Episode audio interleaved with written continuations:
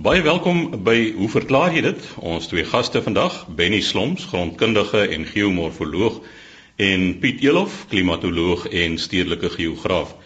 Benny, ons begin by jou en jy gaan gesels oor boomstamme wat in 'n dam bly staan en vir jare staan en nie verweer nie. Dankie Chris.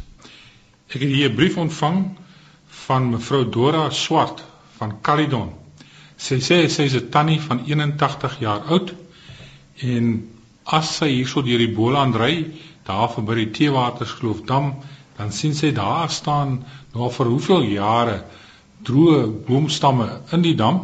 Mens sien hulle veral as dit hier in die somer is en die vlak is laag en sy wil weet nou hoekom bly daardie bome daar staan? Hoekom verrot hulle nie?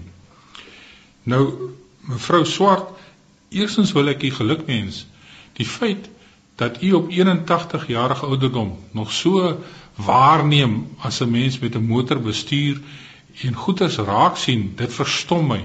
Ek sit met 18-jarige studente in my klas en hulle kan hy selfde pad ry en hulle sien niks van die natuur raak nie.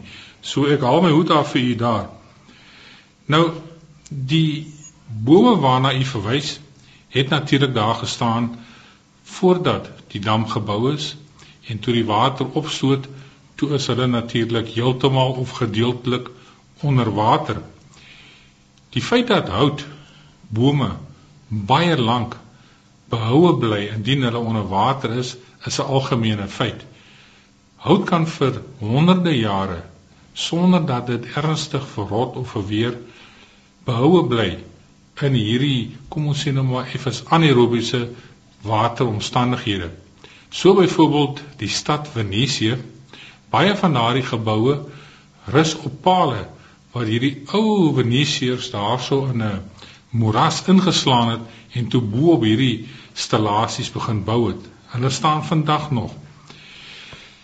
Dit is wel so, mevrou Swart, dat nie alle soorte houtagtige materiaal ewe lank behoue bly in water nie. Jou sagter houtsoorte sal vinniger afbreek, verweer, verrot as harder houtsoorte. En by Teewaterskloofdam daar was 'n klomp dennebome as ook 'n klompie bloekombome wat onder water beland het. Die dennebome kan mens duidelik sien, hulle is besig om te gaan, hulle verrot. Maar die bloekombome en dit is wat ek vermoed wat u daar in die dam sien, dit is op die pad soos mens ry van Franshoek na Vliersdorp toe, daar aan die regterkant van die pad. Dit is bloekombome en dit is 'n harde hout soort en hulle het 'n ongelooflike hou vermoë as ek die term mag gebruik om te kan bly voortbestaan in water. Nou die bloekombome is natuurlik 'n Australiese eukaliptus soort en baie van die luisteraars sal weet dat van die houtvlotte wat die mense in hawens gebruik om die bote weg te hou van die kaai. Dit is jara stompe wat daar lê. Dit is ook 'n bloekom soort en hulle kan letterlik vir baie jare daar na die seewater lê en absoluut niks oorkom nie. Nou as jy dink dat die bome hierso in die Teewaters kloof oud is, dan wil ek net vir u noem dat in die Kariba dam wat heelwat ouer is as Teewaters kloof dam wat langer gelede gebou is, daar sien mens vandag nog boomstompe staan in die dam en uh, omtrent geen verwering het plaasgevind nie. Die gedeeltes wat onder water is, maak natuurlik dat jou normale stamkewers, wurmpies wat die hout opvreet, die houtkewers, hulle kan natuurlik glad nie daar kom nie. En uh onder die water is hy so te sê gepressifiseer en sal hy nog vir baie lank daar bly. Nou organiese materiaal as hy nie blootgestel word aan baie suurstof nie, kan lank behoue bly. En so het ek byvoorbeeld verlede week ek het gaan werk doen daar die Kaapse vlakte en naby aan die Valsbaai kus is daar van daardie kalk sandduine weggery. En onderkant daardie duine waar daardie Duitse boere met groenteboer onderkant daardie duine kry 'n mens 'n laag organiese materiaal En iemand het my gevra na wat het rommel gaan daaraan? So vroeër jare, paar duisend jaar gelede, was daardie omgewing vlei lande gewees. So daar was water, baie water en organiese materiaal het daarin opgehoop. Daarna, dalk met 'n laer seevlak stand, het kalkryke sande van 'n valswaai kus ingewaai oor daardie gedeelte van die Kaapse vlakte en al hierdie vleie bedek saam met sy organiese materiaal. En dit het nou vir hierdie lang tydperk behou gebly. Die duine word op die oomblik weggery vir boumateriaal en nou kry ons weer hierdie ou organiese materiaal. Jy kan selfs van die plantstamme kan jy daarso uitken in hierdie organiese materiaal. Wat natuurlik ook gebeur het, is dat hierdie kalksande wat bo op hierdie organiese materiaal lê, het van die kalsium verloor. Die reënwater, die kalsium is afwaarts geforseer in hierdie destydse suurorganiese materiaal en daardie hele laag is gekalsifiseer. Nou, sodra jy klomp kalsium byvoeg, dan preserveer 'n mens natuurlik daardie materiaal. So dit is niks ongewoon, mevrou Swart, om uh, te sien dat sekere organiese materiaal in hierdie geval bome bitter lank behoue kan bly as hy bedek is deur water en natuurlik afgesny is van suurstof en ander prosesse wat kan lei tot sy verwering. Benny, die een ding wat uh, my ook altyd opgeval het is wanneer hierdie watermassas of damme gebruik word vir ontspanningsdoeleindes. Hierdie strukture wat daar is, sommige van hulle sien ons bo kan die water uitsteek. Ander is natuurlik onder die water en nie noodwendig sigbaar nie. So mense wat met hulle bote daar ry of vaar, ek wil amper nie sê jag nie want dit sou dink ek baie gevaarlik en onverantwoordelik wees. Dit kan hulle bote beskadig. Maar aan die ander kant weet ek ook dat hengelaars wat byvoorbeeld swartbaars en hierdie visse jag vanaf die bote, die soek altyd na strukture onder die wateroppervlak wat uh, die visse dan gebruik as soort van 'n skuilplek waarvandaan hulle dan uitbeweeg en die aas wat jy dan nou vir hulle beskikbaar stel moontlik dan sal aanval. So hierdie bome het ook daarom 'n ontspanningswaarde in die damme ook. Piet, dit is so, maar daar's daarom niks so frustrerend as jou lepel of jou hoek met aas vashak aan hierdie ondergrondse takke en gedeeltes van die boom en dan verloor jy jou gery daarso en dit lei gewoonlik tot groot frustrasie. Jy's wel reg dat uh, daar waar hierdie takke en goed geakkumuleer het of waar baie voorkom, dis natuurlik die beste plek om te gaan hengel, val vir swartbaars. En mense sien dikwels op televisie hierdie visvang kompetisies van die Amerikaners. En ek is altyd verstom hoe akkuraat daardie manne die lepel kan ingooi man sentimeters van boomstompe wat daar lê sonder om verstrik te raak want dan gooi dit letterlik voor die neus van visse wat daar skuil en word dit daar gevang. Penny, dit is natuurlik so dat daai manne wat aan daai kompetisies deelneem soos hulle in Engels sal sê, hulle is kompetent. Hulle hulle kan en uh, dan natuurlik gebruik hulle verskillende ah, party dryf bobie bobie water, ander het uh, draaitjies onderaan as ek dit nou so kan stel wat eintlik keer dat daar die dak of die hoek aan sulke struike en goed vashak. Benny net ter aansluiting by wat jy nou gesê het oor die hout wat so lank behoue bly hier op die Kaapse vlakte onder die sand. Ek dink dit was hier in die 80er jare het hulle ook met 'n uh, opgrawing 'n uh, baie ou boot wat klaarblyklik lyk soos bote wat in die ooste gebruik is nog lank voordat Jan van Riebeeck hier in die Kaap met sy seilskepe aangekom het. So ek neem aan dis dieselfde proses wat so 'n ou boot of skipie of wat ook al dan so lank laat boue bly het. Ja, en dikwels sien 'n mens dat persone wat wat op die uitkyk is vir skeepswrakke dat hulle hout bootjies soos die Vikings gebruik het, dat hulle dit uit die modder uithaal, onder die water uithaal en daar is 'n pragtige voorbeeld van so 'n ou Viking boot in Oslo, daar in 'n museum wat vir letterlik 'n paar honderd jaar onder die water gelê het. En die materiaal wat daar uitgekom het was nog sodanig dat jy die boot herken, die struktuur op die boot herken en baie dele van daai boot het uitstekend behoue gebly. So gesels Benny Sloms, geomorfoloog en grondkundige en net hierna gaan ons voort met hoe verklaar jy dit?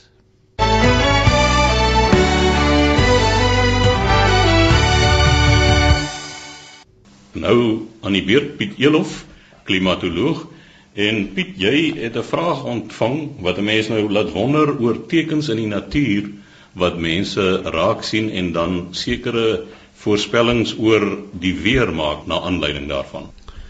Ja, luisteraars, ek het hier 'n vraag ontvang van meneer Haie Uys van die plaas Kadi, Heidelberg in die Suid-Kaap. Hy sê die afgelope klompie maande opgemerk dat die bloekombome in die Oeverberg en selfs in die Swartland hulle bas afgegooi het en dat die stamme nou spierwit kaal daar uitsien. En hy sê die ouer boere met wie hy gesels het, sê dis 'n teken dat daar 'n goeie landboujaar voorlê. Nou hy sê hy's 'n bietjie skepties daaroor en uh, wat dink ek nou daarvan?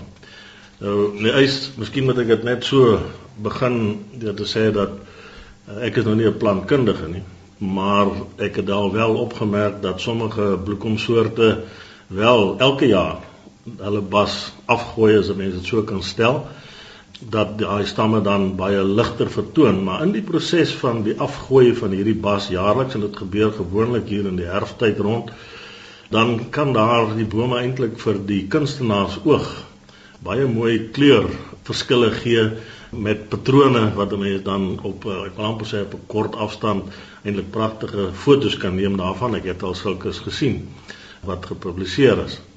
Maar jou vraag het eintlik uh, vir my geprikkel in die opsig dat 'n mens die vraag moet vra watter ander maniere is in die verlede gebruik vir die weervoorspelling. En as ek nou dit sê dan wil ek nou nie sê dat die bloekombome nie een is nie, maar ek dink veral die feit dat dit elke jaar gebeur en ons weet in hierdie omgewing wat jy in woon, is dit definitief nie elke jaar 'n goeie reënjaar nie, soos wat dit nou al 'n paar keer van ons gewys het. Maar hierdie ander maniere, is daar nie ander maniere wat 'n mens kan gebruik om te kyk na weersveranderings of voorspellings van weersveranderings nie? Nou, ek dink ons luisteraars is met my dit eens dat uh, diere gedrag is een van daardie maniere. Die ongeluk is wetenskaplikes is nog nie heeltemal seker hoe hulle bewus raak van die veranderinge wat in die natuur plaasvind. Nee, ons weet hulle raak bewus daarvan voordat die mens daarvan bewus raak. Met ander woorde, ons het 'n vermoede dat hulle waarskynlik die verandering in lugdruk ervaar, meer sensitief is wat ons dit ervaar en dan ook natuurlik humiditeitsverandering dat hulle dit ook aanvoel voordat ons dit agterkom. Dit wys eintlik gewoonlik op veranderings wat in die onmiddellike toekoms gaan gebeur. Dit is een aspek. Ander aspek wat egter ook baie interessant is, is dat diere oënskynlik langtermyn voorspellings kan doen of aanvoel hierdie veranderinge. Dat uh, wild byvoorbeeld minder lam of dat die lammers wat aankom as dit nou waarskynlik 'n droë periode gaan wees dan sê hulle dan kom daar meer ramlammers aan terwyl as dit 'n nat periode is wat gaan volg dat daar meer oetjies gebore word juis sodat die troppe kan groei hoe waar dit is kan ek nou nie voor instaan nie ek dink daar word navorsing daaroor gedoen en mense hulle bietjie moet nalees daaroor maar voor die tyd van die radio en die TV en weervoorspellings soos wat ons dit nou in ons nuusmedia kry wat gedoen is met behulp van baie vinnige rekenaarmodelle. Wat het toe gebeur deur oorlewering van een geslag tot 'n volgende het mense geleer om na tekens in die natuur te kyk oor die weersveranderinge wat daar moontlik kan plaasvind. Nou ons mag sê ja, maar dis die verlede. Maar jy weet ons stadsmense beweeg deesdae dikwels uit die stad uit waar hulle nie televisie ontvangs het nie, nie koerante het nie, nie radio ontvangs het nie en hulle bevind hulle oog in die berge waar hulle stap of op die see miskien, dan het 'n mens nodig om goeie waarnemings te kon gedoen het in die natuur ter wille van jou eie oorlewing. Nou deur die prosesse van ons opvoeding, as ek dit so kan stel, in ons vooruitgang of ons sogenaamde ontwikkeling het ons natuurlik baie van hierdie natuurlike instinkte prysgegee of verloor. Nou diere en voëls en insekte gebruik juis daardie basiese instinkte ter wille van oorlewing. Nou 'n mens moet natuurlik dan gaan kyk na die onnatuurlike gedrag van diere, want dit kan vir jou 'n teken wees van verandering in die weer. Maar dit impliseer ook dat jy moet weet wat sy natuurlike gedrag is. Jy moet goed kon waarneem, jy moet vir hom oor 'n lang tyd bestudeer het sodat jy weet dit is sy natuurlike gedrag en skielik is hier nou iets anders wat hy aanvang. So wat gee aanleiding daartoe? Nou wat ek gedoen het uh, Chris, ek het so 'n bietjie gaan krap in die literatuur en 'n klompie waarnemings wat mense gedoen het en die weerveranderinge wat hulle daaraan koppel, het ek aangeteken en wil ek graag vir die luisteraars deurgee en miskien 'n paar van hulle net kortliks bespreek. Ek is seker daarvan dat die luisteraars baie van hierdie goed waarskynlik ook al reeds waargeneem het of weet daarvan. Maar sommige mag dalk goed wees wat jy gele gesien het maar dit nie noodwendig gekoppel het aan weersveranderinge nie. En dan kan dit dalk interessant wees om die ding wat jy nou al hoeveel keer gesien het, maar nooit dit gekoppel het aan weersverandering. Kyk of dit inderdaad so is. Is hierdie waarnemings van mense reg? Is dit skerp? Is dit aanvaarbaar en is dit betroubaar? Nou die eerste waarna ek wil verwys is byvoorbeeld uh voëls. Nou daar's verskeidenheid waarnemings wat 'n mens oor voëls kan doen en hulle gedrag en dit miskien koppel aan weer, maar een van die goed wat 'n mens miskien die maklikste kan waarneem is dat as daar swaar weer in 'n aandtog is of stormweer, dan is voëls geneig en mense sien dit veral met swaaltjies geneig om redelik laag te vlieg en dan die insekte, die vleiende insekte te vang. Dit is gewoon omdat die insekte ook hierdie verandering in lugdruk ervaar. Die voëls vlieg in die onderste luglaag want daar is die druk nog meer as hoër op. So die ek wil amper sê soos hulle in Engels sê die buoyancy, the lift, die lug op lug wat hy het onder sy vlerke in die digter lug maak dit vir hom makliker daar. En natuurlik daar is baie meer insekte op daai laer hoogte so daarom vlieg hulle laag. So kom ons sê as swaaltjies in redelike groot getalle laag vlieg en sweep en insekte vang kyk na die weer. Kyk hoe verander daai weer binne die volgende paar ure of dag of wat. Ander een wat ons ook uh, Benny nou al hier op stel en bos waargeneem het is uh, seemeeu. Jy weet dis tog eh, 'n uh, voël wat by die kus moet wees. En as dit so reën hier in die Wes-Kaap en soms vir 'n dag of wat aanhou en ons raak so bietjie stormagtiger het ek al seemeeuwe hier in Stellenbosch op ons sportvelde waargeneem in redelike getalle. Met ander woorde hulle skuif landwaarts skuif land in om bietjie weg te kom van die stormagtige weer wat in aantog is of wat reeds by die kus voorkom. Kiwite is 'n uh, ander groepie wat ons ook op ons oop terreine parke sportvelde waarneem En uh, wanneer hulle hastig begin klippies nader krap en nes maak, moet ons ook maar kyk. Oor 2, 3 weke, 4 weke reën dit of reën dit nie. Want hulle besef, die oomblik as dit begin reën en hulle kykientjies het uitgebroei, dan behoort daar genoeg insekte en wurmpies en kewertjies te wees vir hulle. So dit is ook iets waarna ons kan kyk.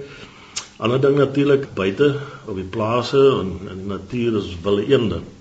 Uh, as die eende hulle neste maak in die laer liggende gebiede, laer vlakker waters miskien dan is die kanse vir reën skraal. Maar as hulle begin nes maak op hoër terreine, dan weet ons hier kan 'n ding aan die broei wees wat weer aan betref miskien groot reëns aan die kom. Twee ander interessantes daar uit uh, Australië en Nieu-Seeland is sekere papegaai soorte wat eintlik hou in die heuwels en die berge dat hulle 'n sekere tyd van die jaar wanneer vinnig in die oggende begin afbeweeg na die laer lande na die kusgebiede toe.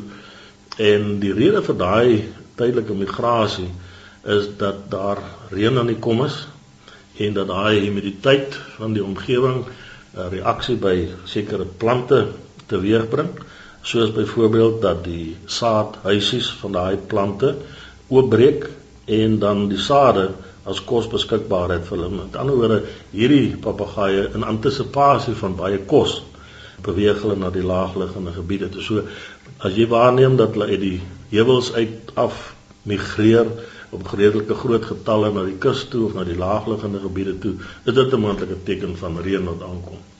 Ander interessante een is natuurlik die maatjie van ons volstruise, die emu in New Zealand. Hy lê gewoonlik tot so 20 eiers. Maar die slag as hulle net so 'n paar eiers lê, aansienlik minder as 20 het die mense waargeneem dan gaan daar waarskynlik 'n periode van droogte voorkom. Maar van emo gepraat, ek weet nie hoeveel van ons luisteraars het al gesien hoe lyk die eiers van 'n emo nie. Nou ons het as kinders het ons baie keer uh versamelings gehad, is dit nie voelvlerke was dit dan was dit voel eiers in neste ensovoorts ensovoorts. Maar ek glo as ek in my kinderdae een van hierdie emo eiers in my versameling gehad het, dan het ek die beste versameling gehad. Hy is groen, grasgroen, maar grasgroen soos 'n avokado peer. Nou, ek verstaan die kleur van groen want in Nieu-Seeland dink ek is daar baie groen gras waar hulle voorkom en dit is 'n manier van kamouflering daar. So ja, dit is 'n klompie oor voëls. Ek glo daar is nog baie meer. Diere, Chris, soos ek sê, diere wat besef of op een of ander manier aanvoeling het van droë periodes en dan die fertiliteit van daardie spesifieke diere dan 'n bietjie afneem in daai tyd. Maar 'n ander interessante ene wat ek gekry het is dat mense sê dat beeste voor 'n storm probeer hy sy oor krap met sy agterpoot. Omdat hulle ore dan nou kon sy sensitief is vir drukverandering. Maar dan sê hulle ook terselfdertyd slaan hulle redelik hewig met hulle sterte teen hulle sye of die pens. Nou dit is natuurlik om die insekte en die vliee wat dan nou baie meer aktief is in hierdie bedompige toestande om dit af te wees. So hou maar die beeste daar in die veld dop en dan kan jy jou oë opslaan nie noodwendig na die berge toe nie maar na die wolke toe vir reën wat op pad is. Piet wat ek wel opgelet het, maar dit is nou wanneer die reën feitelik daar is, net voor dit begin uitsak dat die beeste besonder baldadig kan raak. Ja, die die Engelse praat van beeste en skape en kalvers wat mekaar kop stamp en bokspring of soos hulle ook gestel hulle boks mekaar. Dit is inderdaad so dat daar uh, miskien 'n bietjie jolit by hulle is oor die oor die reëns. Interessante ene die mense wat nou nie varke aanhou binne hokke as sulks nie, maar dat hulle as ek die term mag gebruik, free range varke is sê dat hulle oplet dat varke blare en gras versamel en dan dra na hulle plekke waar hulle dan rus, die afdakkies of so. Perde is 'n ander ene wat uh, mens na kan kyk. Diere gewoonlik wat in die veld is en nie op stal staan as die wintertye daar is, dan groei hulle dik haarlaag en as daai dik haarlaag maklik afkom, wat ook al dan daar weer tekens van warmtye wat voorkom. Maar die ander ene wat interessant is vir my van perde, ek ons weet 'n perd staan en slaap. En 'n donkie dink ek doen dit sy lewe lank. Ehm uh, maar maar die die mense skryf en sê as 'n perd op sy sy lê, plat lê op sy sy, dan is dit teken daar as reën aan die kom. Nou ek het al perde so sien lê en gewonder of hulle dood is. Maar ek sal volgende keer die perd sien maar dan die lig op kyk waar die reën vandaan kom of dit so is of nie. 'n Ander interessante een en baie mense het dan nou katte in die huis. Ek ken 'n kat is nie heeltemal vriende nie want hy spring bo op 'n tafel waar my kos is. 'n Hond doen dit nie sommer nie. Maar 'n mens weet mos nou 'n kat lek sy poot nat en dan vee hy oor sy oog of vir 'n deel van sy gesig. Hy was hom soos ons sê. Maar nou sê hulle hier as 'n kat sy poot nat lek en hy vat hom van agter sy oor af oor dan moet jy weet hier is reën aan die kom want hy sê daai kat se ore is baie sensitief vir drukverandering. Benny het net nou gesels oor die water in die teewaterskloof en ek het opmerking gemaak oor visse. Maar dit is ook bekend dat voor sulke reënstorms dat die vis is baie meer aktief, hulle byt meer gereedelik. Enigste probleem wat ek daarmee het is as 'n mens in die oostelike deel van ons land die riviere wat ooswaarts vloei bietjie forelle vang en jy's in die berge en daar het ons hoofsaaklik donderstorms dan weet ek nie of dit so 'n goeie ding is om voor die donderstorm daar in die rivier in te loop en te probeer vis vang nie. Ons weet ook natuurlik dat paddas reageer op reën wat in handtog is, hulle deur die dag kwak dan sê ons is 'n teken van reën, die reënpaddatjies wat natuurlik ondergronds is, hulle grawe gate onder die grond en hulle begin self daar kwak as die reën in aantog is. Slange is natuurlik ook baie meer aktief in hierdie tyd en natuurlik dan ook erfwurms van tyd tot tyd sien ons bo die oppervlak uitkom. Net twee of drie laaste gevalle miskien vandag ons tyd gaan ons inhaal is dat mense ook sien dat waterskilpaaie, kyk hulle maak ook maar hulle neste op die wal en uh, dit is al waargeneem dat hulle neste dikwels of van tyd tot tyd hoër op die wal voorkom of gemaak word. Dit is omdat hulle verwag dat daar groot reën sal kom en om hulle dan buite daardie vloedwaterperke te hou.